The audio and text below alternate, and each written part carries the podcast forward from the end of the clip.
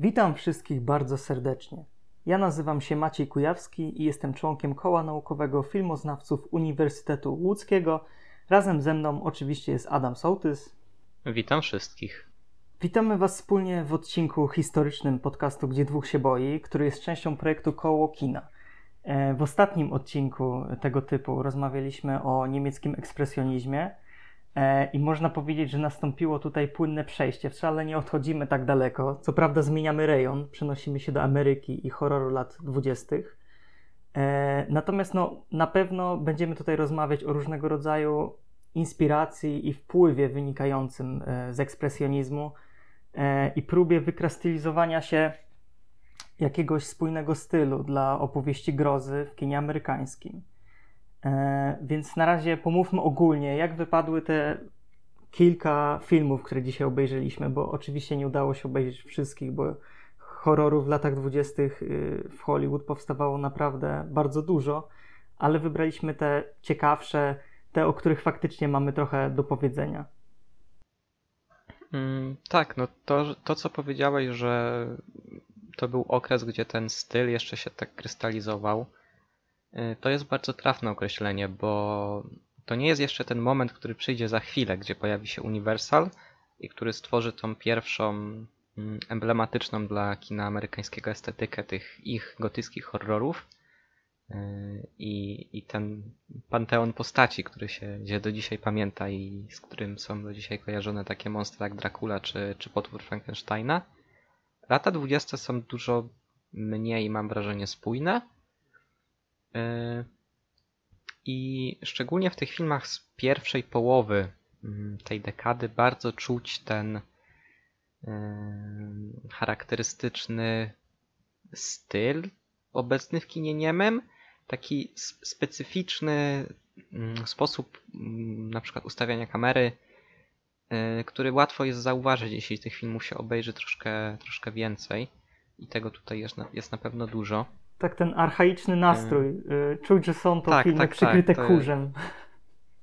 Tak, przy czym y, są też dużo mniej ciekawe y, wizualnie niż, niż te ekspresjonistyczne filmy. Co prawda ekspresjonizm zaczął się właściwie w tym samym momencie, o którym tutaj mówimy, to znaczy Caligari wyszedł w tym samym roku, w którym pierwszy film, o którym dzisiaj porozmawiamy, no ale to oczywiście troszkę czasu musiało minąć, e, zanim to ta estetyka przeszła do Stanów i tam się pojawiły filmy inspirowane w jakiś stopniu ekspresjonizmem. Oczywiście nie, nie było wtedy możliwości obejrzenia filmu w, w, ten sam dzień, w którym, w którym wyszedł, ale e, no też były tam próby podejmowane. Generalnie o horrorze amerykańskim lat 20. wbrew pozorom nie powiedziano tak dużo. E, nie ma tyle opracowań, e, ile mogłoby się wydawać, że jest. E, w przeciwieństwie do wspomnianych przez Ciebie lat 30., gdzie już mamy Frankensteina, Drakulę, King Konga i masę filmów, których kult trwa do dziś, można powiedzieć, i są szeroko rozpoznawalne. Z lat 20. głównie. Z... tak, ale jest jedna rzecz, za którą te lata 20 się pamięta. Upiór w operze. To jest nawet nie upiór w operze, ale Chaney jako figura, jako tak. chyba pierwszy taki aktor w pełni kojarzony dzisiaj z, z kinem grozy. To myślę, że Chaney ma wśród fanów gatunku na spokojnie mm. podobny, jak nie wyższy status, jak, jak właśnie Lugosi czy, y, czy Karlow. Tak, generalnie ten odcinek to będzie wielka nasza laurka miłosna po prostu dla Lona Chaney, który jest cudowny I nie tylko jest pierwszy, ale jest po prostu doskonałym aktorem. Moim zdaniem jeden z najbardziej wpływowych tak, prze, aktorów przede wszystkim, historii. Przede wszystkim jest bardzo wszechstronny. Mhm, dokładnie. M mówiono o nim, że to człowiek o tysiącu twarzy, więc e, no, mówi to samo za siebie. Ale generalnie wbrew pozorom właśnie próbujemy tutaj powiedzieć o tym, że lata dwudzieste i horror e, no nie posiadały w sobie tyle klasyków i innowacyjności, co mogłoby się wydawać. Jednakże y, samo tutaj te gatunkowe sklasyfikowanie do horroru sprawiało, że były to filmy odważniejsze niż te e, inne gatunki, które powstawały w tamtym czasie, jak na przykład wielkie widowiska historyczne, e, biblijne, jak Ben Hur e, na przykład, ale też westerny, które w tamtych latach powstawały i na początku też to były naprawdę wystawne filmy, na przykład tutaj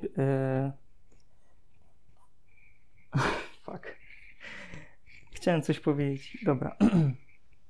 No jak na przykład filmy, filmy Kitona czy Chaplina, no to, to jest, to, Tak. te filmy były zdecydowanie odważniejsze. Mhm.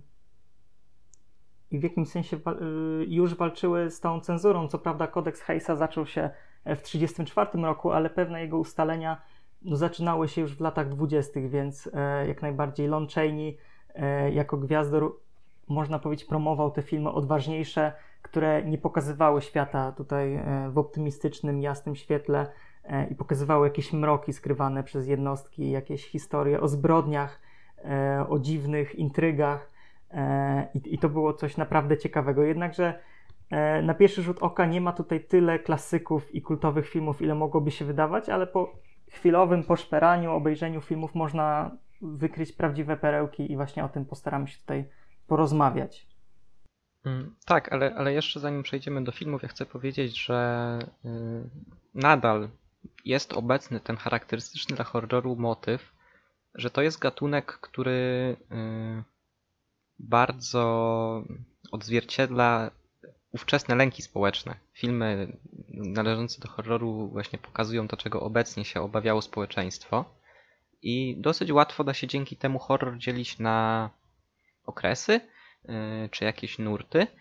I coś, co nas uderzyło bardzo, jak sobie przed jeszcze, y, przed nagrywaniem rozmawialiśmy, to mniej więcej ustalaliśmy, o co chcemy mówić, y, że bardzo dużo jest filmów o wykluczonych jednostkach.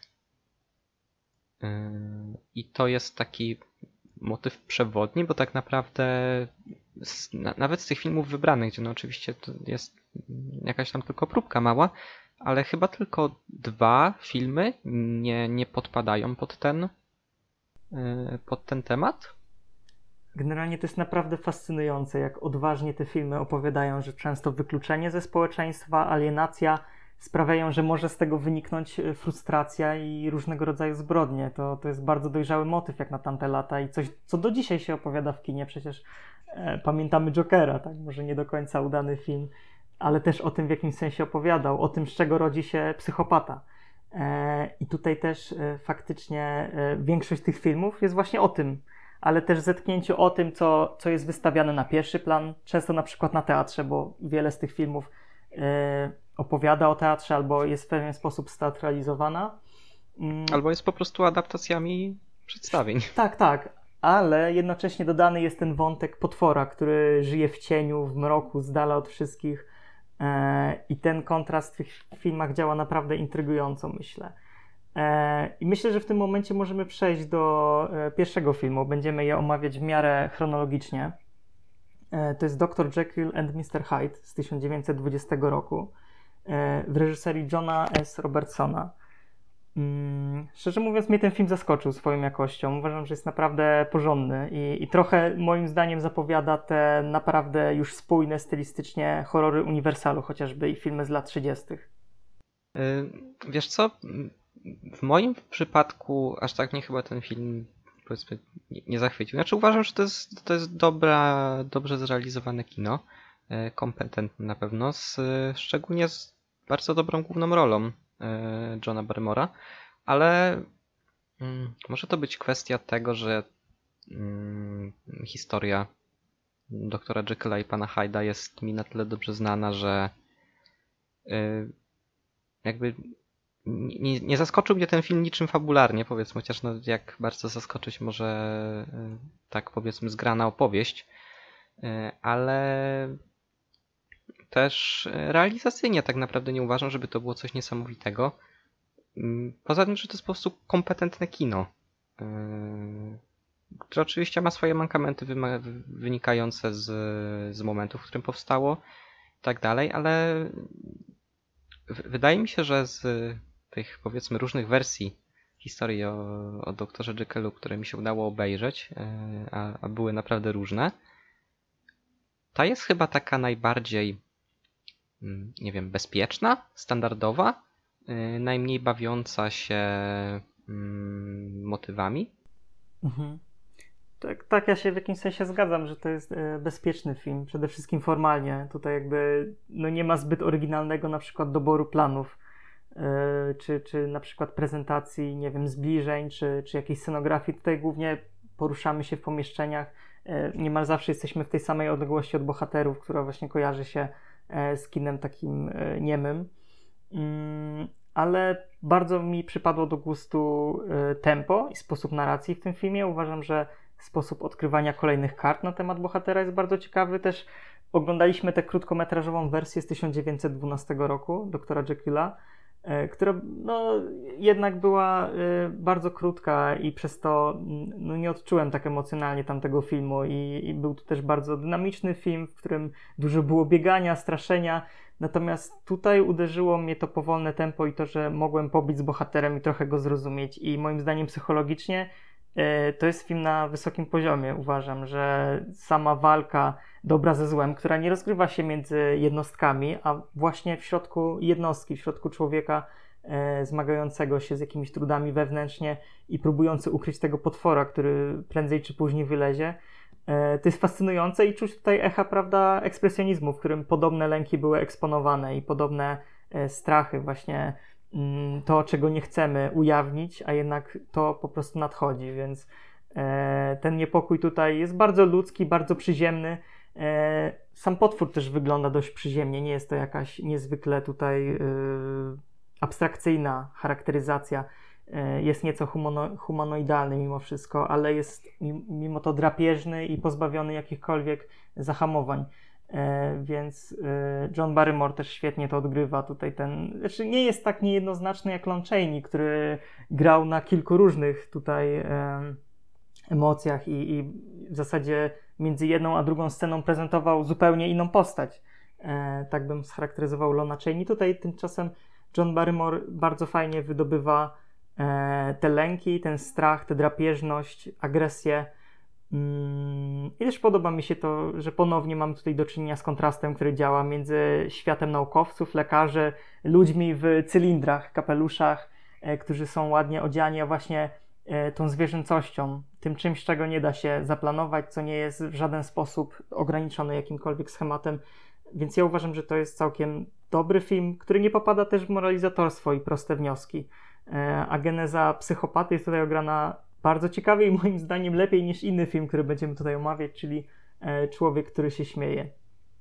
Generalnie też być może ten film zaskoczył mnie pozytywnie, dlatego że nie oczekiwałem e, od niego stosunkowo dużo, bo właśnie no, w wersji doktora Jekylla interpretacja jest po prostu od groma. A najbardziej znana jest jednak ta adaptacja z 1931 roku od wytwórni Paramount E, a, I też pamiętana jest chyba w niektórych gronach ta pierwsza adaptacja, a o tej właśnie chyba trochę mniej się pamięta, zwłaszcza, że jeszcze są adaptacje oczywiście współczesne, co jakiś czas się wraca e, do tej historii w bardzo różnych wariacjach. Ona jest podatna na po prostu zmiany gatunkowe. E, no tak, przecież, przecież swoje wersje yy, historii o Hydzie i Jekyllu dostało, dostał i Królik Bugs mhm. i Tommy Jerry, więc... Dokładnie. I, i, I, swoją drogą ta z królikiem Baxem jest moją ulubioną. Tak, w każdym razie myślę, że o tym filmie tyle, bo też uważam, że jest kompetentny, ale nie spodziewałem się szczerze mówiąc tego. Tutaj hmm. po prostu tak, dobry tak, film. Ja tutaj też ja, ja, tutaj też chyba nie mam tak dużo do powiedzenia, bo według mnie tutaj troszkę wychodzi to, o czym też na pewno będziemy troszkę mówić, yy, że yy, chyba przy tych filmach mam największe jakby yy, może nie problemy, bo to oczywiście definicje są w tym wypadku płynne, ale że yy, patrząc na to, jak generalnie jest prezentowany gatunek, przy tych filmach, o których możemy, yy, przy których będziemy rozmawiać dzisiaj, yy, momentami najtrudniej może być je zaklasyfikować jako, jako horrory, gdzie częściej to będą po prostu dramaty z jakimiś pojedynczymi, strasznymi elementami, niż coś, co jest faktycznym takim horrorem z pełnoprawnym potworem i tak dalej. No, Jekyll i Hyde byłoby, byłoby akurat temu dosyć blisko. No ale już kolejny film właśnie mam wrażenie niekoniecznie. Tak, e, kolejny film e, to The Hunchback of Notre Dame, e, Dzwonik z Notre Dame z 1923 roku w reżyserii Wallace Worsley. E, to jest pierwszy film z Lonem Chaney'm, jaki tutaj omówimy, ale nie jest on chyba tak dobrze wspominany i pamiętany jak y, inne jego popularne ro role. Nie, nie jeśli, jeśli już, no to, to właśnie za rolę Chaney'ego i za charakteryzację. Mhm. Też pytanie, czy jest to horror, y, czy jest to film grozy. Tak, tak, tak. Tak, Bo to jest i bardzo... właśnie tutaj chyba tutaj chyba miałbym największy problem z tym klasyfikowaniem, mimo że jakby przejawia się czasami na listach jako, jako horror. Y, czy w jakichś, w jakichś podręcznikach i tak dalej. No ale to jest tak naprawdę, y, jeśli będziemy chcieli zaklasyfikować tą wersję dzwonika jako horror, to, to trzeba by też powieść klasyfikować jako horror, a horrorem ona nie jest. Mhm, dokładnie. Generalnie ja też nie wiem, czy scenograficznie ten film pasuje do ikonografii kina grozy, ponieważ ta katedra mogłaby być dobrze ograna pod względem klaustrofobii na przykład, czy właśnie motywu alienacji, ale mam wrażenie, że tutaj jednak podkreśla się wzniosłość tego budynku, jego rozmach. E, wielokrotnie widzimy ujęcia z tego budynku, przez co możemy zobaczyć bardzo rozległe przestrzenie, dużo statystów. E, jest tutaj, zwłaszcza pod koniec, taki rozmach inscenizacyjny z masą statystów właśnie. Ta, tak, w tym filmie jest taki, taki monumentalizm trochę. Tak, ale fabularnie nie jest zbyt y, ciekawy. Też opiera się na schemacie, który mocno mi się kojarzy z późniejszym filmem, który jednak jest dużo lepszy, czyli e, Upiór z opery, najsłynniejszy tutaj.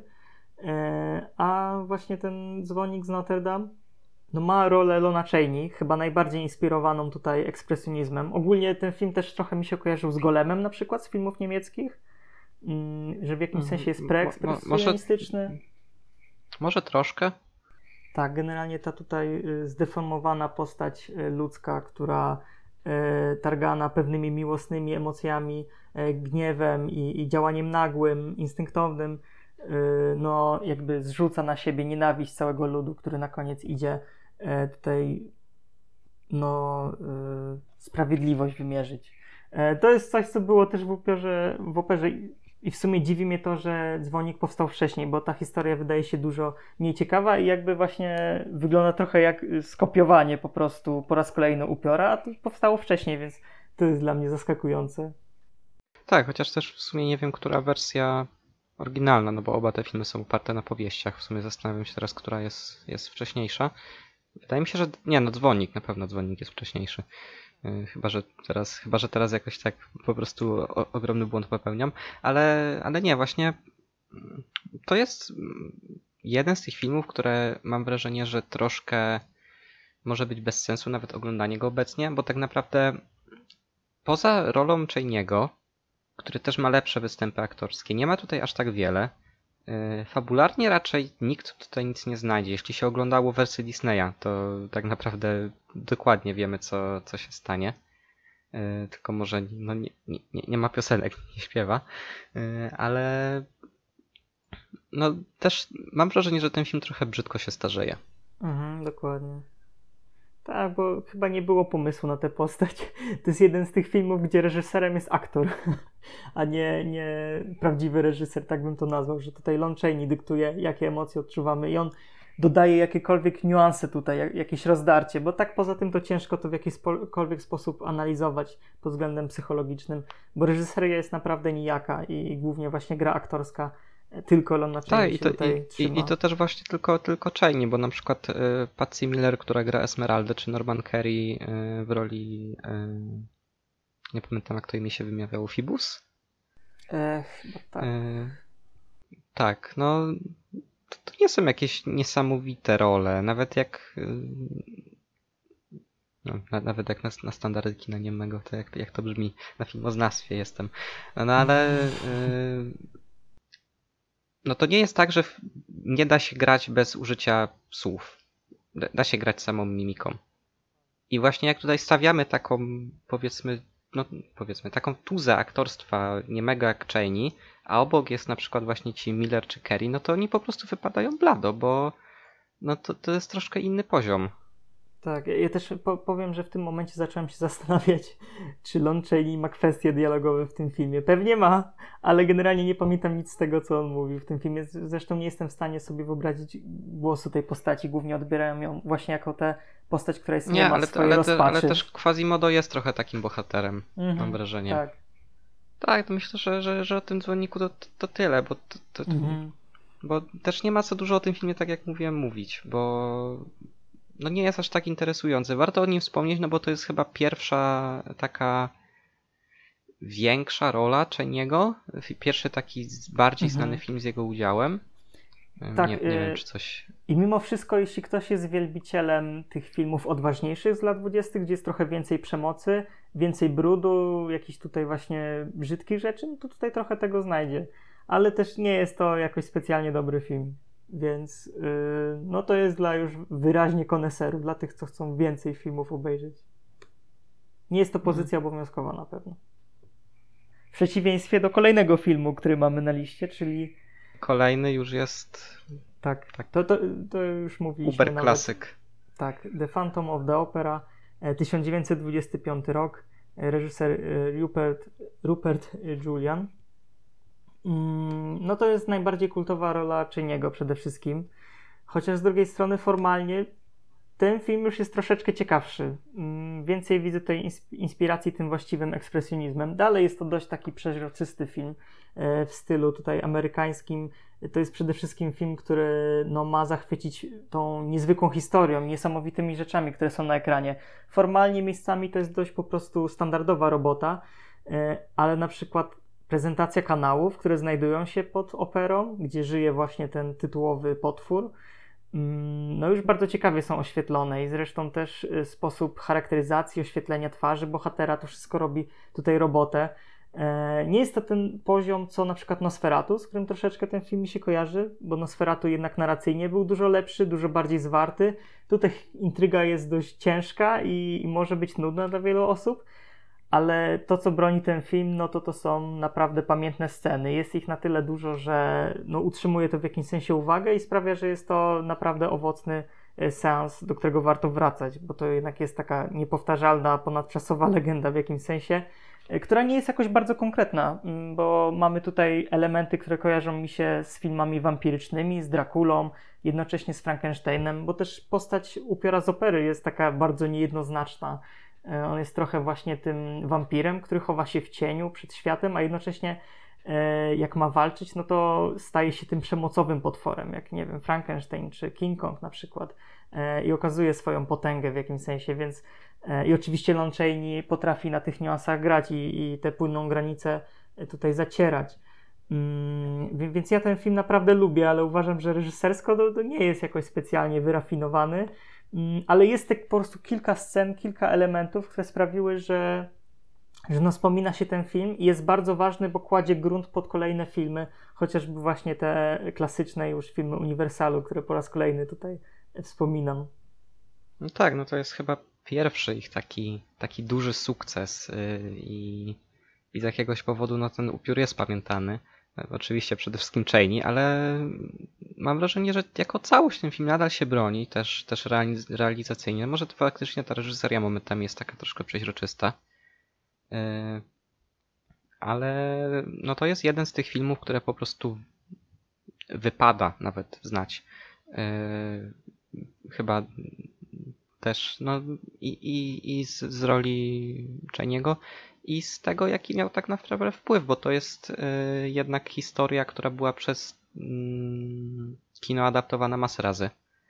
Y, I, I na bardzo różne sposoby. No, jakiś czas temu oglądałem wersję tego filmu w wykonaniu Briana De Palmy, która jest takim postmodernistycznym miszmaszem po prostu wszystkiego. I, I z tej poważnej historii zrobiona została tam rock opera. E, ale to też chyba pokazuje to, jak tak naprawdę uniwersalna jest ta historia upiora mhm.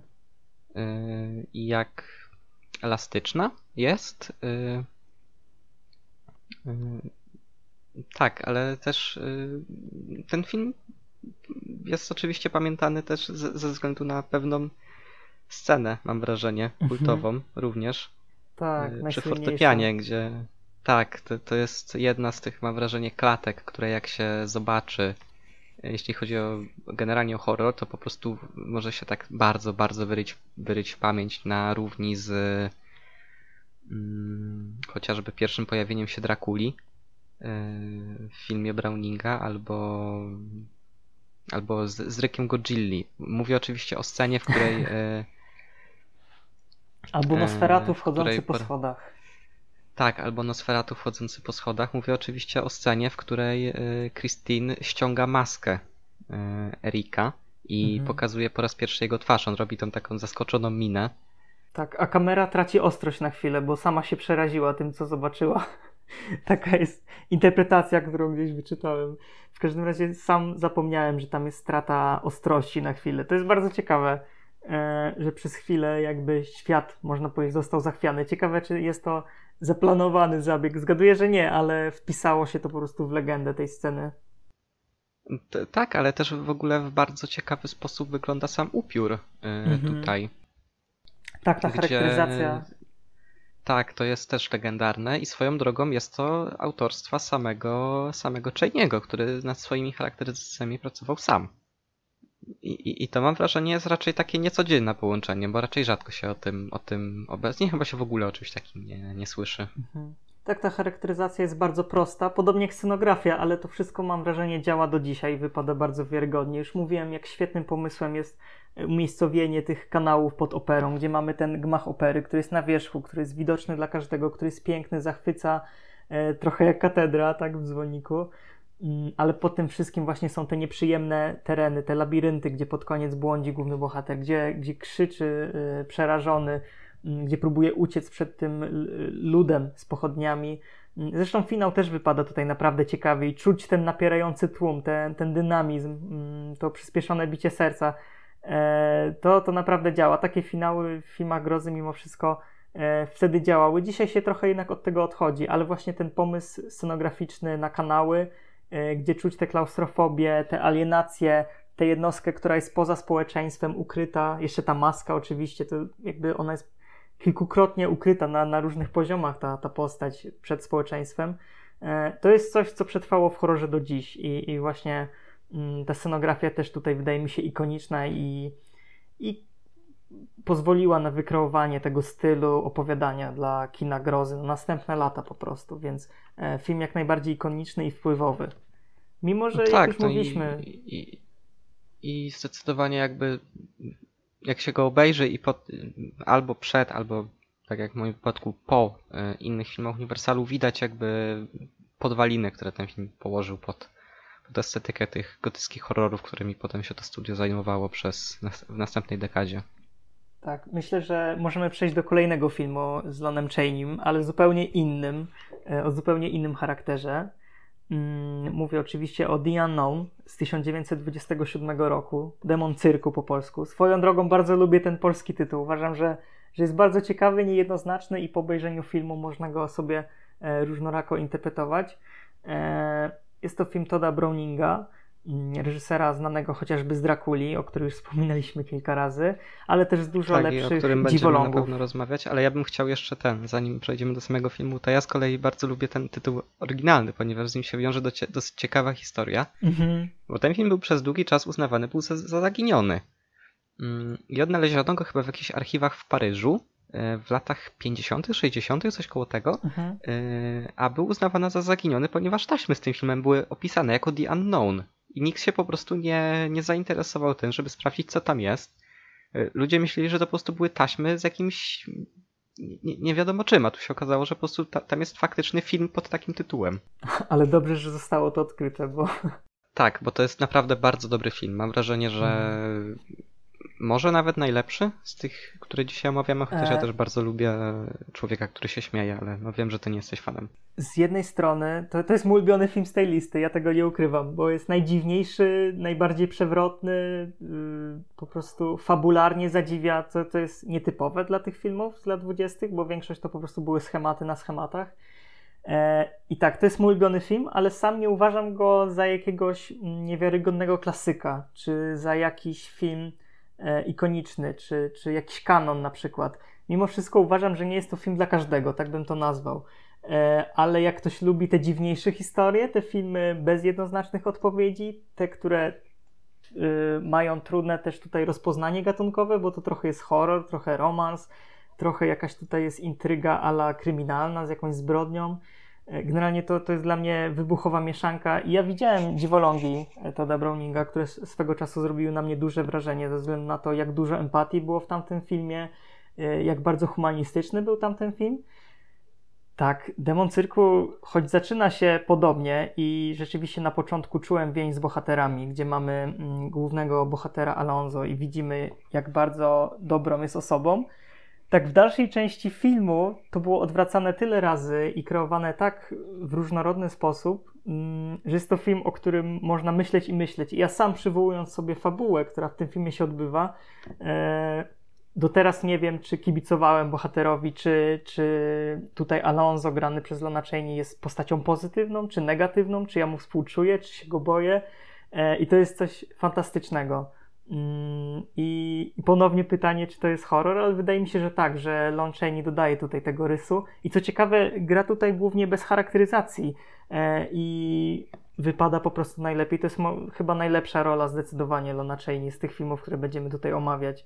Ogrywa tutaj takie niuanse i w zasadzie każda scena wybrzmiewa idealnie. Też to, że jest ten film e, bardzo krótki, sprawia, że to jest taki szybki, cios widza emocjonalny, mam wrażenie. Zostawia nas z takim niedomówieniem w takim dziwnym miejscu.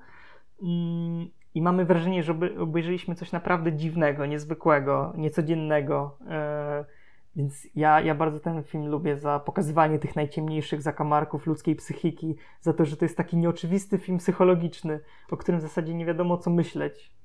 No, ja mam wrażenie, że ten film może być nawet troszkę za krótki. W sensie ja mam lekki problem z zakończeniem, bo wydaje mi się po prostu trochę pośpieszne.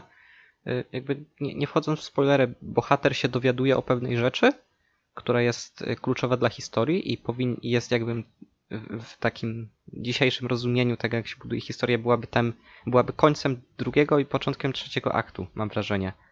Tylko, że ten trzeci akt trwa niecałe 10 minut i mam wrażenie, że ta historia jest rozwiązana nieco zbyt szybko. Wydaje mi się, że tam. No nie, nie, nie obraziłbym się, gdyby tam było jeszcze z, z 10-15 minut więcej ale właśnie mm, ten film jest dowodem trochę na to, że Chaney nie był tylko aktorem, który potrafi grać, kiedy ma na sobie tonę make-upu, tylko jest faktycznie aktorem, który potrafi pokazać emocje. Yy, I to właśnie ta, ta sama scena, o której mówiłem, jest zagrana naprawdę doskonale. Yy, I to jest właśnie film, który jest takim. No dzisiaj byśmy to nazwali horrorem właśnie psychologicznym. Y, czymś troszkę w stylu milczenia owiec, mam wrażenie, idącym bardziej w te rejony, gdzie nie ma tego takiego faktycznego monstra, jakiegoś potwora, chociaż też oczywiście tutaj y, zależy y, dużo od tego, jak będziemy postrzegać postać Alonso po, po tym, jak się dowiadujemy coraz więcej rzeczy na, na jego temat. Ale to też jest film, który ma bardzo ciekawy pomysł wyjściowy. To jest dosyć ciekawa, ciekawa historia po prostu. Dokładnie. Ja też uwielbiam to, że ten film opowiada jednocześnie o środowisku cyrkowym, a sam w sobie ma taką, mm, taką strukturę czy styl, bym powiedział, właśnie widowiska cyrkowego. To jest przedstawienie, performance, coś, gdzie my siedzimy i patrzymy na obraz i jesteśmy zadziwieni tym, co widzimy. E, I tutaj właśnie oglądamy zaskakującą, krótką historyjkę, która zostaje w pamięci na długo. Mm, I jest tutaj właśnie ta, ta intryga jest tak przewrotna, są tutaj zaskakujące zbiegi okoliczności, ale to wszystko się lepi, bo, bo aktorzy to prowadzą, bo Todd Browning jest bardzo sprawnym reżyserem, jeśli chodzi o narrację przede wszystkim. Myślę, że formalnie y, no nie eksperymentował za bardzo. On jednak przede wszystkim bawił się narracją filmową, myślę. I mm, i to jest niesamowite, że Demon Cyrku moim zdaniem jest chyba nawet odważniejszy, jeśli chodzi o przewrotność, niż e, Dziwolągi, które miały inne odważne, e, odważne pomysły, przede wszystkim castingowe. E, tutaj jednak dochodzi no, ta, ta intryga, która jest bardzo niejednoznaczna i trudna w ocenie e, i stawia widza w bardzo dziwnym świetle, bo po prostu w jakimś sensie złapałem się na tym, że kibicuję postaci, która jest zła po prostu.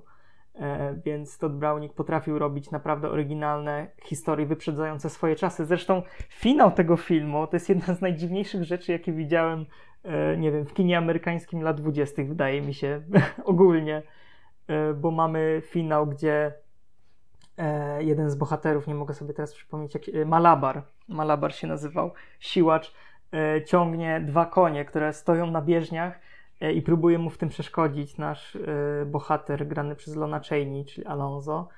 Mm, nie wiem, abstrakcyjność tego finału naprawdę zrobiła na mnie wrażenie i ogólnie tego typu ciekawych zwrotów akcji, czy właśnie pomysłów na przebieg fabuły jest od groma. Jeszcze jedna rzecz, o której chciałem powiedzieć, że to jest jedna z pierwszych dużych ról John Crawford Mm, ja się zorientowałem dopiero po sensie, przyznaję się, e, ale jest to prawdziwa gwiazda kina. E, chociażby taki film jak Johnny Guitar, e, co się zdarzyło Baby Jane, jeden z ostatnich jej filmów, też horror zupełnie inny, czy Ludzie w hotelu, wcześniejszy film. I to ciekawe, że właśnie zaczynała od horroru i pod koniec kariery też właśnie w kierunku horroru ją w jakimś sensie ciągnęło. Mm, I też wypada tutaj całkiem, całkiem przyzwoicie. I i też mi się podoba, że te postacie drugoplanowe są nieco zminimalizowane i przez to wydają się niezwykle, yy, yy, niezwykle zagadkowe, bo pod koniec mamy wrażenie, że obserwujemy ich happy end, ale cały film byliśmy skupieni na tym Lonu Chainim, na Alonso. A o tych bohaterach stosunkowo niewiele wiedzieliśmy i ponownie jest to postawienie widza w jakimś dyskomfortowym położeniu, uważam dyskomfortowym, czy ja wiem, no ale to też jakby. Mm, Nietypowym. No to, to, jest, to, to jest troszkę romans ta historia, ale yy, no to przede wszystkim ten film się skupia na zaprezentowaniu bardzo niejednoznacznej postaci, o takim dosyć powiedzmy. No jest to postać tragiczna na pewno. Yy, tak, ale, ale brakuje mi słowa yy, o takim dosyć dziwnym kompasie moralnym bo z jednej strony widać, że Alonso nie jest złym człowiekiem, to przynajmniej takie sprawia wrażenie, po czym nagle robi coś bardzo złego. E, I, i właśnie mm, jest taka konsternacja, mam wrażenie, przez to, że, że to jest naprawdę Dokładnie. interesujący bohater. Tak, po prostu jakby złożony z nieoczywistości, e, po obejrzeniu tego filmu można stwierdzić, że umysł ludzki po prostu jest nie do przewidzenia i nie ma granic, nie ma po prostu zasad, które by kierowały człowiekiem w jakiś e, jednoznaczny, opisywalny sposób. Zawsze możemy się spodziewać czegoś dziwnego, czegoś strasznego, mrocznego, także brzmi to przerażająco, ale i to właśnie może świadczyć o tym, że to jednak jest horror, myślę. Na, na pewno jest to dobry film, który, który warto zobaczyć i no ja jakby wie, wie, wiem, że to, co teraz powiem, będzie pewnie troszkę kontrowersyjne, ale ja nie jestem fanem Drakuli e, Browninga. Jakby doceniam ten film za to, jak jest istotny. E, jeszcze potem będę oczywiście w, przy okazji, gdzie będziemy omawiać ten film, będę to rozwijać, ale e, ja uważam, że Dracula ma bardzo duże problemy, a The Unknown jest o klasę lepszym filmem, po prostu. Więc y, ma, ma, mam wrażenie, że jakby miał komuś polecić do obejrzenia film Browninga, to, to byłby to raczej właśnie demon cyrku niż, niż Dracula. Mhm. Ja, ja, chyba mimo wszystko też, ale Dracula całkiem lubię. Tak, dawno nie widziałem, może podczas powtórki do jednego z kolejnych odcinków odkryję tutaj, dlaczego Todd Browning jest okropnym reżyserem, ale tymczasem jestem zachwycony naprawdę e, reżyserią i klasą tego filmu i tym, jak bardzo odstaje od czegokolwiek, co widzieliśmy w tym czasie w Ameryce. E, I myślę, że można przejść do kolejnego filmu tego reżysera, tylko tutaj niestety będzie krótko. Mm, to jest London tak, After jest, Midnight. To, tak, tutaj tak krótko wspomnimy, bo z, powiedzmy z historii tego filmu może płynąć ciekawa nauka. No, ja uważam, że to mogło być arcydzieło. No, po, po, tych, po tych rzeczach, które się zachowały, tak. Bo generalnie chodzi o to, mm, to też to Todd Browning, również 27 rok, również film z Lonem Chainim i to miał być chyba bardziej kryminał, z tego co, z, co z tego co pamiętam, przynajmniej taki horror bardziej idący w stronę kryminału. Yy, I to jest film, który ma bardzo smutną historię, ponieważ spłonął. Jedyna kopia, jaka była yy, i była trzymana w, w magazynach MGM-u, po prostu spłonęła. W 1965 roku, w czasie pożaru, yy, zachował się za to scenariusz, zachowały się fotosy i jest możliwe takie pośrednie obejrzenie tego filmu właśnie w ramach takiego wiem, pokazu slajdów tak naprawdę. Y, więc da się mniej więcej ogarnąć o co tam mogło chodzić i da się przeczytać yy, chociażby na Wikipedii nawet, jak, jak, jak ja zrobiłem, yy, o co chodziło w wydarzeniach. No ale to jest chyba jeden z tych filmów, jak, e, jak szukaliśmy informacji do, do tego odcinka, yy, za którym jest powiedzmy najbardziej tęskno ludziom, że to, to jest jeden z tych filmów, którym, których jest najbardziej szkoda, że właśnie zaginęły, czy zostały utracone i to jeszcze w takich okolicznościach. Tak, to jest bardzo smutne. Generalnie no nie jestem w stanie tego, co obejrzeliśmy, traktować jako kompetentnego filmu mimo wszystko. No to są zdjęcia, e, gdzie kamera wykonuje jakieś dziwne ruchy imitujące film. E, no i mamy bardzo, bardzo dużo planż z napisami. To się ciężko ogląda po prostu. E, rozumiem tutaj intencje, ale jednak no nie dało się niestety odtworzyć pewnie wymiaru oryginalnego filmu. No bo na przykład w tym wypadku po obejrzeniu tego materiału no nie jesteśmy w stanie na przykład omówić gry aktorskie, chociaż bardzo byśmy chcieli. Mm, to mamy tutaj po tak, prostu i fotografię. Jest, I to też jest kompletnie inna sytuacja niż wcześniejsze zaginione filmy, które omawialiśmy, gdzie na przykład w przypadku portretu albo golema, chociaż są fragmenty zachowane. I da się coś o tym filmie powiedzieć jako o filmie, no a tutaj tak naprawdę rozmawiamy o pokazie slajdów. Mm. Tak, generalnie ja nie polecam ale polecam znaleźć jakieś kadry z tego filmu, na przykład właśnie gdzie Lon Chaney się uśmiecha złowieszcze, to wyglądało yy, bardzo ciekawie. Tak, on, on wygląda trochę jak, yy, jak Caligari. Tak. Szczególnie przez, przez fryzurę. Tak. I, I pewnie też to była przewrotna historia, bo z tego co zrozumiałem, to Lon Chaney, tutaj jego bohater, prowadził śledztwo, z czasem okazał się głównym zagrożeniem więc jak najbardziej historia w stylu Toda Browninga i ponownie walczenie z tabu i e, próba zrobienia naprawdę odważnego filmu, ale no niestety nie jesteśmy w stanie powiedzieć e, jak wypadło, chociaż w miarę intrygujące miejscami były te fragmenty, ale nie da się odtworzyć niestety oryginalnego filmu. I w tym momencie możemy przejść do bardzo ważnego reżysera, mm, który w latach dwudziestych zrobił naprawdę dużo filmów i, i, i no, dwa z nich dużo. obejrzeliśmy. Trzy. Trzy, tak. E, I mowa oczywiście o Paulu Leni, e, który z Niemiec przyjechał do Ameryki. Tak, e, omawialiśmy jego film e, Waxworks. To był chyba gabinet figur woskowych, czy coś tak, takiego. Tak, tak, tak, gabinet figur woskowych.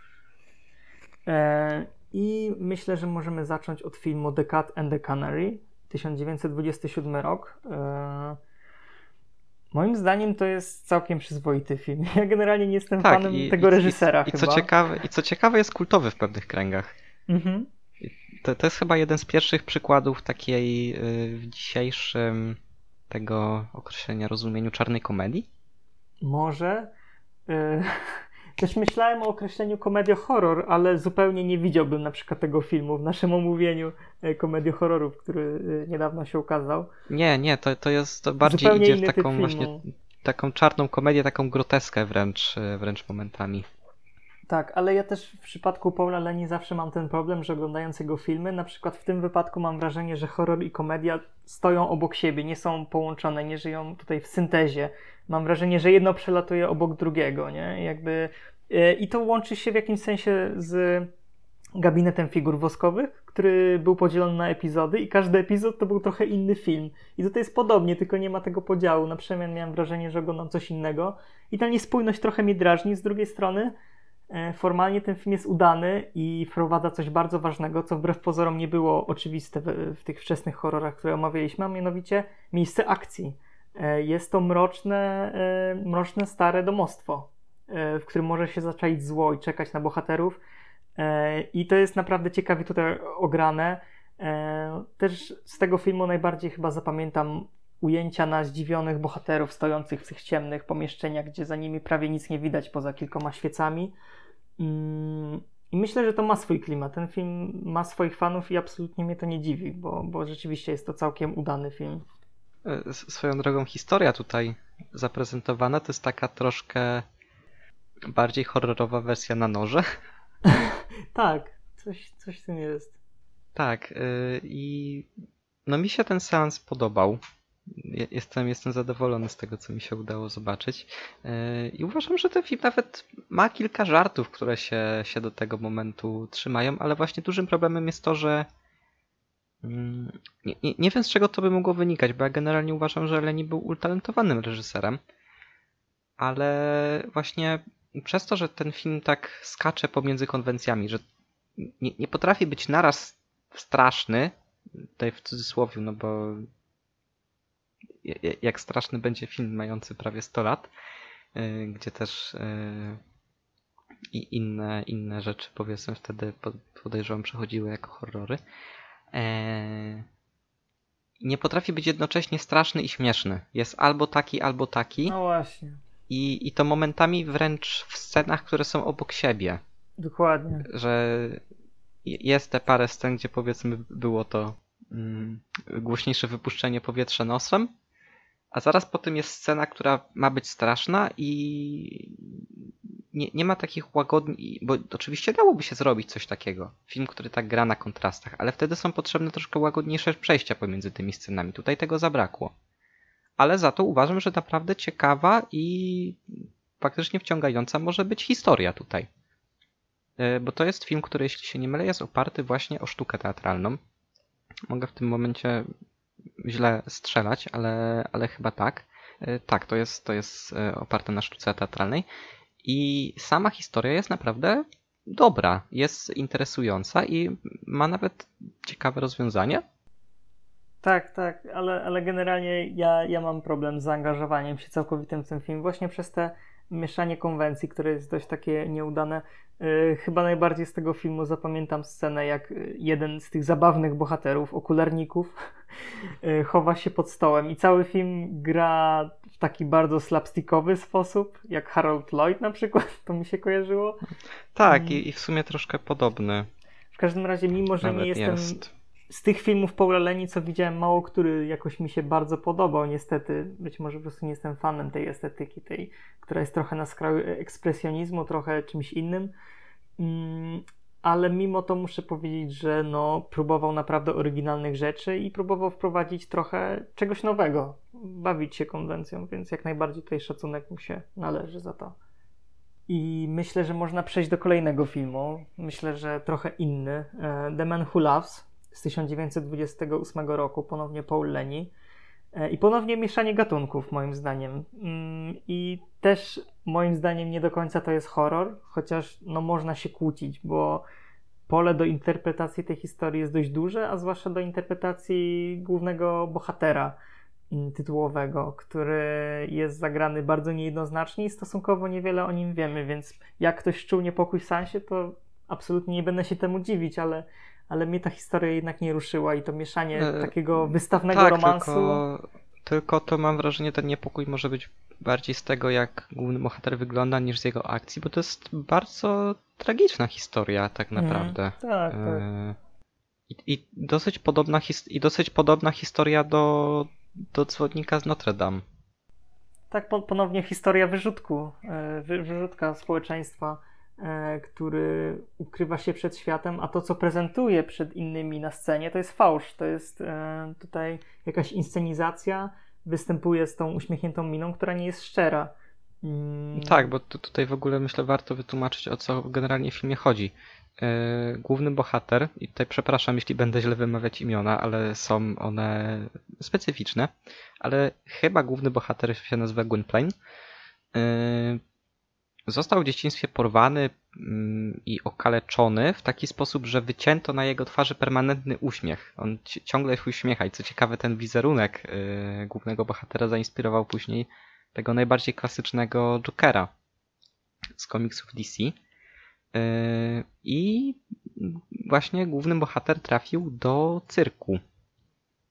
Y, został przygarnięty przez człowieka imieniem Ursus, który właśnie zajmował się takim showmaństwem obwoźnym. Y, I razem z nim też y,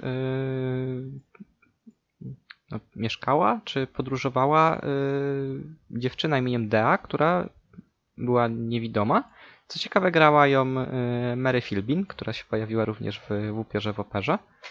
Więc powiedzmy, zagrała dwa razy też podobną rolę.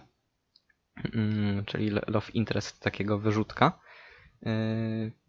No i właśnie to, to co mówiłeś, że główny bohater cały czas wygląda jakby się śmiał. Gdzie tak naprawdę jest y, osobą o niezwykle smutnym i trudnym życiu. I zostaje, został tak wepchnięty trochę w rolę, w której kompletnie się nie odnajduje. Mhm.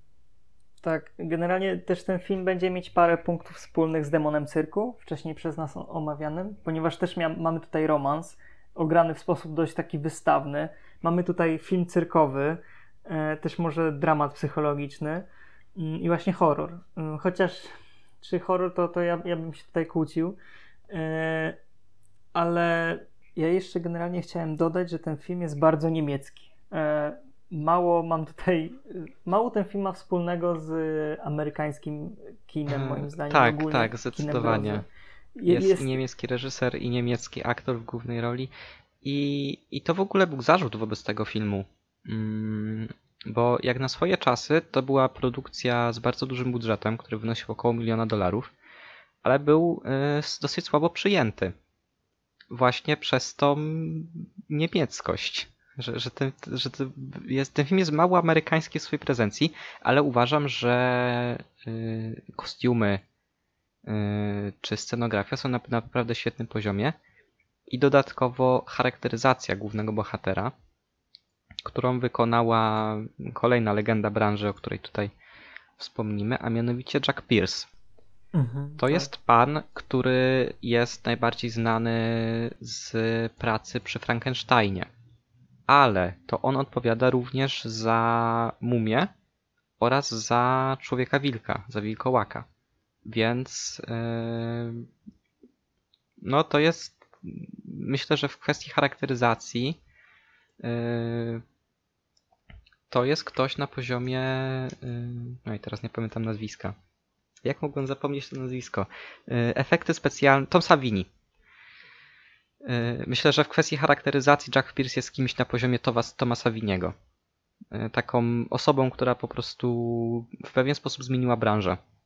Tak, y, ja, ja bym też przywołał inne nazwisko, Rob Bottin z filmu The Thing na przykład. E, tak, tak, tak, ale to jest troszkę, troszkę, troszkę tam efekty inny... bardziej, ale... Tak, troszkę inne efekty, ale, ale również no jedna z takich osób, które właśnie były za kulisami, ale warto je pamiętać, bo miała niesamowity wpływ na to, jak te filmy były postrzegane i też no, była po prostu niesamowicie utalentowana. Tak, ale generalnie ten film zupełnie mnie nie zainteresował fabularnie. Jakoś byłem cały czas odizolowany od tego, co tutaj się dzieje. Nie wierzyłem za bardzo mimo wszystko w bohatera. Czułem, że ten film jest sztuczny i za dużo jest w nim otwartych przestrzeni, tego rozmachu scenograficznego, który wynikał pewnie z dużego budżetu, o którym już mówiłeś. E, w każdym razie no, brakowało mi tutaj więcej takich zamkniętych przestrzeni, e, jakiejś alienacji, chociaż są tutaj tego typu momenty i one całkiem działają. Bardzo mi się podobał moment, w którym Y, mamy miejsce, za, y, moment za sceną, gdzie bohaterowie cyrkowi szykują się do występu i na pierwszym planie mamy, mm, mamy właśnie tytułowego bohatera, granego przez Konrada Wajta, który ma pochyloną głowę opartą na ręku i jest smutny, pogrążony w rozpaczy i wie, że zaraz z powrotem będzie musiał się uśmiechać na scenie, a w tle widzimy, jak intensywnie przygotowują się inni cyrkowcy. E, I w tym momencie cyrkowcy z tyłu są oświetleni równomiernie, on natomiast skryty jest e, cieniem. E, co, co szczerze mówiąc przypomina mi ponownie filmy preekspresjonistyczne, gdzie jeszcze nie było do końca tej scenografii ekspresjonistycznej, ale pod kątem zabawy światłocieniem jak najbardziej e, trochę tutaj tego jest, ale fabularnie to dla mnie jest po prostu golem, czyli, czyli jeden z gorszych filmów pod, pod tym względem, więc tak, ale, to, ja... ale to myślę, że też może wynikać właśnie z tego, że Leni no jednak wywozi się z ekspresjonizmu i, i też w tym i też w Dekaden Dekanary widać wizualnie yy, yy, jakby cytaty z tego nurtu. I przecież nawet w, w Katen Dekanary jest bardzo powiedzmy podobna scena do tej yy, jedynej horrorowej sceny w zamku Wogelot tak, z, tą, tak. E, z tą ręką. Tak, zresztą dużo rąk. Okno. Zapomnieliśmy powiedzieć, tam było bardzo dużo rąk. Tak, było. A, a w filmie Demon Cyrku główny bohater nie ma rąk. Więc mm. tak. Tak, więc powtarzający się motyw. Mamy kolejny schemat. E, no, ja uważam, że, że to jest naprawdę film, który, z którym warto się zapoznać, bo jest po prostu bardzo sprawnie opowiedzianą historią. I, i z naprawdę i z naprawdę bardzo dobrą główną rolą, chociaż wydaje mi się, że z tych ról White'a, które mi się udało zobaczyć, ta, ta, ta w Orlaku jest, jest najlepsza. Mhm. Ja myślę, że popularność tego filmu też współcześnie wynika trochę z tego, że Joker był inspirowany tym e, bohaterem. Mhm. Chociaż jak przyjrzeć się ich genezom, to są one kompletnie inne i zupełnie inna historia, zupełnie inne czasy. Nie, nie, jeśli, jeśli, jeśli ktoś w ogóle spodziewa się, że to będzie podobna historia do Jokera, to się bardzo zawiedzie. To jakby... tylko, tylko podobny to, wygląd to, i to wszystko. To, to jest luźna inspiracja wyglądem. Dokładnie. I myślę, że w tym momencie możemy skończyć tutaj omawianie filmów Paula Leni, który był wpływowy, ale ja, ja chyba nie zostanę fanem. Mm, no, Niestety... mi, mi jest chyba troszkę bliżej e, do, do powiedzmy wrażliwości, którą u siebie prezentuje. E, powiemy jeszcze krótko o takiej ciekawostce małej, takim filmie krótkometrażowym, a potem jeszcze możemy porozmawiać więcej o o, o samej, powiedzmy, o samych latach dwudziestych, jak to wyglądało, ale najpierw Upadek domu Asherów. 28 rok w reżyserii Jamesa Sibleya Watsona oraz Melvilla Webera. I ja ten film bardzo lubię. Jest naprawdę interesujący, to jest troszkę kino eksperymentalne, nie ma tam absolutnie żadnych dialogów, żadnych plansz z napisami, to trwa 14 minut, jeśli się nie mylę. I to jest bardzo luźna adaptacja opowiadania Edgara Allana Poe i mam wrażenie, że bez znajomości opowiadania troszkę trudno może być załapać, o co chodzi w tej historii. Ty też oglądałeś wersję Epsteina. Tak, oglądałem. O której też będziemy mówić następnym razem w mhm. odcinku historycznym, ale no co uważasz? Generalnie to jest niesamowite, że mamy dwie adaptacje w tym samym roku tego y, opowiadania i obie obie wersje wyróżniają się na tle innych filmów grozy z tamtych lat, bo przede wszystkim nie mamy, mm, nie mamy struktury filmowej w pewnym sensie, nie mamy prostego tutaj śledzenia fabuły, historii. Oba filmy są skupione na formie, na jakichś sztuczkach operatorskich, na zaskakiwaniu, na zdjęciach nakładanych, e, na przekrzywianiu punktu widzenia. E, zresztą dużo bardziej u Epsteina. Natomiast tutaj e, też te elementy są i bardzo mi się podobają i zresztą ja bez znajomości zupełnie oryginału mm, też byłem w jakimś sensie zafascynowany, ponieważ, yy, ponieważ podobała mi się ta enigmatyczność tego filmu, to, że ja nie wiem o co chodzi, jakby się po prostu tego nie wstydzę, bo, yy, bo jako taka historia to po prostu działa. Widzę dziwne obrazy, czuję to przerażenie, które nie musi być racjonalne yy, i to tutaj naprawdę działało i i są momenty, które są naprawdę przerażające, i chyba to są, moim zdaniem, z tych filmów, które mamy dzisiaj na liście, być może ten jest najbardziej niepokojący, najbardziej przerażający, ponieważ nie ma takiego zaczepienia e, humanistycznego, a z drugiej strony mm, no, widzimy tych ludzi, którzy, którzy krzyczą, którzy rzucają się na kamerę w tym momencie, widzimy dziwne scenografie. E, to wszystko działa przez to też, że to może jest film krótki. Nie wiem, czy jako długi metraż by działał ale wersja nie, myślę, że nie, jest... ale, ale, ale uważam, że ta krótsza e, może być bardzo ciekawa, żeby sobie odpalić jakąś taką nastrojową muzykę, o, e, tak. popróbować po prostu różnych, różnych soundtracków, Dokładnie. no bo oczywiście film nie ma dialogu, więc nie ma to, nie ma problemu z tym, ale spróbować sobie puścić pod ten film na przykład jakieś ambienty, jakiś doom metal, jakiś folk i po prostu sprawdzać, jak się będzie zmieniał obrót tego, odbiór tego filmu w zależności od muzyki.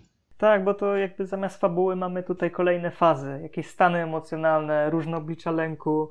E, też pole do interpretacji jest całkiem duże, e, więc ja ten film lubię. Film Epsteina jest dużo lepszy. Znaczy ciężko porównywać, tak? Zupełnie inny metraż, ale Epstein jednak y, sprawił, że, że byłem bardzo blisko bohatera i go rozumiałem, mimo że film miał dość abstrakcyjną y, formę i ciągłą zabawę z narracją, z obrazem, z przekrzywianiem punktu widzenia i no tam się dzieją takie rzeczy, że, że totalnie czułem się, jakbym znalazł się w zupełnie innym y, uniwersum. Zaraz, bo generalnie to było tak, że oglądałem te wszystkie filmy klasyczne właśnie z lat dwudziestych amerykańskie i nagle obejrzałem Epsteina i, i poczułem się jak y, w innej galaktyce po prostu, więc polecam sobie coś takiego zrobić, po prostu szok. Tak, ale to też, no, myślę, że w dużej mierze może wynikać, ja nie, nie widziałem tego filmu, ale to może wynikać w dużej mierze z tego, jakim typem twórcy był Epstein. No tak, tak. Eksperymentator przede wszystkim. Tak, i, i, i ja też uważam, że, że, że, ten film, ten amerykański, ten Watsona i Webera, yy, jest na, do, do, tej pory naprawdę może zachwycać wizualnie i właśnie mhm. po tym Epsteina się spodziewam naprawdę dużo, jak już będę jak już będę oglądać. No, jest jeszcze lepszy, jeszcze lepszy, ale tutaj te, też te dwa filmy są zupełnie inne. To też jest y, ciekawe, że oba jakby zupełnie nie są opowiadane klasycznie, prze, przezroczyście, y, a mimo to y, oba jakby intrygują w trochę inny sposób i trochę inne emocje reprezentują. Tutaj jednak czuję się zagubiony w nieco inny sposób w tym filmie tutaj amerykańskim. Mm, więc oba filmy polecam i zestawić je ze sobą, bo porównania, po, porównania mogą być naprawdę intrygujące i ciekawe.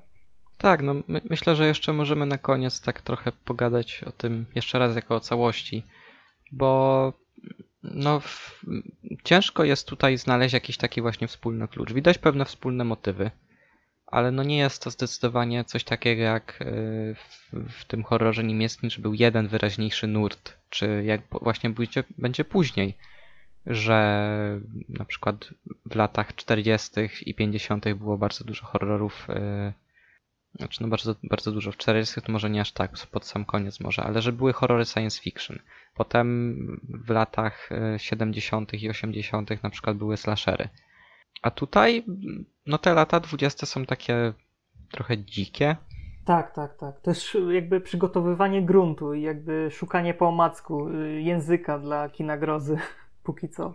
Tak, tylko no też no wtedy Ameryka zdecydowanie horrorem jeszcze nie stała. To się właśnie zmieni w kolejnej dekadzie, w latach, e, w latach 30., a no jednak jeśli za coś się pamięta kino amerykańskie lat 20., no to za komedię. Za, za, za, za filmy Keatona, właśnie Harry'ego Lloyda, którego wspominałeś, za, za Chaplina. Mhm, tak, i za filmy wystawne, za filmy z dużym budżetem, tak, o których tak, już wspominałem. Też, też yy E, też właśnie mówiłem, że westerny pierwsze to też były filmy o, o czasach pionierskich, gdzie było bardzo dużo statystów, więc e, te pie, pierwsze westerny faktycznie tak wyglądały. To nie były jeszcze historie o samotnych rewolwerowcach przychodzących do miasteczka, jednak historie o grupie ludzi, która podróżuje przez e, duże pustkowia. Mm, a tymczasem właśnie horror musiał znaleźć własny język i jednak przenieść się najbardziej kameralne rejony i częściowo się tutaj udaje, tak? Upiór w operze chociażby pokazujący te kanały, o których mówiłem, którymi byłem zachwycony, jak są prezentowane w filmie, e, czy właśnie na przykład demon cyrku, którego dałoby się na przykład wystawić na scenie teatralnej e, i, i traktować tak, scenografię be, be, bardzo umownie. Absolutnie, absolutnie bez problemu. Tylko to no, też, też skala tego filmu jest mała. Tak, i faktycznie trudno jest znaleźć jakieś nurty tutaj. Na pewno właśnie Upiór w operze to jest jeden z pierwszych takich filmów klasycznych, e, które można zaliczać do, do tych klasycznych potworów Uniwersalu na przykład e, i do tego kanonu. To jest jeden z filmów, który wyprzedził czasy, tak, bo, e, bo dopiero potem bodaj Frankenstein jest kolejnym tego typu filmem. A tutaj faktycznie jedna z wczesnych prób zrobienia filmu, e, który jest nastawiony przede wszystkim na zaskakującą fabułę i zaprezentowanie ciekawego potwora. I tutaj się udało. Mm, I pod tym względem jest to pionierstwo. E, ale właśnie trudno jest znaleźć jakiś tutaj nurt. E, ja, ja bym zrobił podział przede wszystkim na twórców, być może. E, mamy Toda Browninga, który jest odważny, który jest niepokorny, który bawi się przede wszystkim narracją i, i prezentuje bardzo dziwne postacie w dziwnych sytuacjach, bardzo przewrotne historie, zaskakujące. Z drugiej strony mamy na przykład Paula Leni, który robi filmy, które są dość niemieckie, które mm, próbują walczyć tutaj z systemem studyjnym i prezentują coś trochę innego, bawią się gatunkami, łącząc je w taki hybrydyczny sposób. E, Je, jeszcze przy tym, przy tym Paulu Leni mam wrażenie, że to jest po prostu kolejna oznaka tego, jak bardzo Niemcy dominowały mhm. generalnie w kinie lat dwudziestych, że nawet, nawet w Stanach po prostu ta, ta niemieckość się przejawiała. Dokładnie. No ale to też było oczywiście związa związane z, z napływem twórców, no bo mm, chyba wszyscy ci tacy mm, istotniejsi reżyserzy w końcu trafili do Niemiec, jak, jak Murnau czy, yy, czy, czy, czy Lang. Generalnie no na pewno jest tutaj kilka perełek, tak? Yy, mówiliśmy już, że to nie jest tak pamiętana dekada jak lata 30., Mm, ale ja mimo wszystko na przykład poleciłbym doktora Jekylla and Mr. Hyda. Mm, teraz sobie przypomniałem o scenie z pająkiem, która bardzo mi się podobała w tym filmie, e, z wielkim pająkiem w pokoju i kobietą w łóżku, e, która się go boi. To, to była jedna z ciekawszych scen w tym filmie, bardziej bardzo ciekawa jakby inscenizacyjnie i, i rzeczywiście e, pamiętna. I wiele takich scen jednak z lat 20. jest, ale trzeba się w to zagłębić, żeby pamiętać, bo na przykład, yy, nie wiem, te sceny z horrorów z lat 30. to się kojarzy nawet bez oglądania filmów, tak? Na przykład pierwsze przebudzenie Frankensteina, no to kojarzy prawie każdy, bo to tak się zapisało w popkulturze. Tutaj natomiast jednak trzeba się bardziej zagłębić w te filmy i sobie przypomnieć, że tam faktycznie jest dużo dobra, dużo kadrów, które warto pamiętać. Tak, no, najbardziej pamiętanym filmem nie bez powodu jest, jest Upiór. Generalnie podsumowując, lata 20., jeśli chodzi o horror w Ameryce, można określić jako fazę przejściową, mm, jako twórcze poszukiwania, jako właśnie tutaj przypływ na, na, niemieckich na, Nawet może, nie, może nawet nie fazę przejściową, bo no faza, żeby mieć fazę przejściową, to z czegoś trzeba no przechodzić, no tak. a tam... Faza początkowa. A tam, nie, a tam nie bardzo co było. Tak, to jest takie trochę raczkowanie może. Tak, jeszcze, aha, jeszcze jedna rzecz, że dużo jednak tym filmom daje to, że to są filmy nieme. Y, już trochę, troszeczkę o tym no, mówiliśmy, ale faktycznie dodaje chociaż, do tego Chociaż wyobrażam uroku. sobie, że dałoby się, dałoby się na przykład Demon Who Loves zrobić w formie dialogowej, w sensie no, mówionej z dialogami mówionymi i ten film jakoś wybitnie dużo by nie tracił, ale resztę jakoś nie widzę. Znaczy, myślałem o tym w przypadku Demona Cyrku, że ten film mógłby być dźwiękiem, ale nie wiem, czy by na tym nie stracił, e, gdyż te plansze z napisami dodają takiej enigmatyczności do tych filmów, znacznie więcej interpretujemy wtedy w filmach, musimy sobie wyobrażać głos bohaterów, e, no i muszą dużo więcej wykazać się mimiką, żebyśmy uwierzyli w to, co wypowiadają, bo nie słyszymy, jak robią to dosłownie. E, no i dodaje to bardzo dużo. Mm, tak, generalnie ja, ja lubię filmy nieme, także E, a niedługo będziemy się z tym żegnać, ni niestety, ale jeszcze kilka filmów europejskich omówimy, które, które będą przodować tutaj nad latami dwudziestymi w Ameryce pod względem innowacyjności i, mm, i powiedzmy podejścia artystycznego.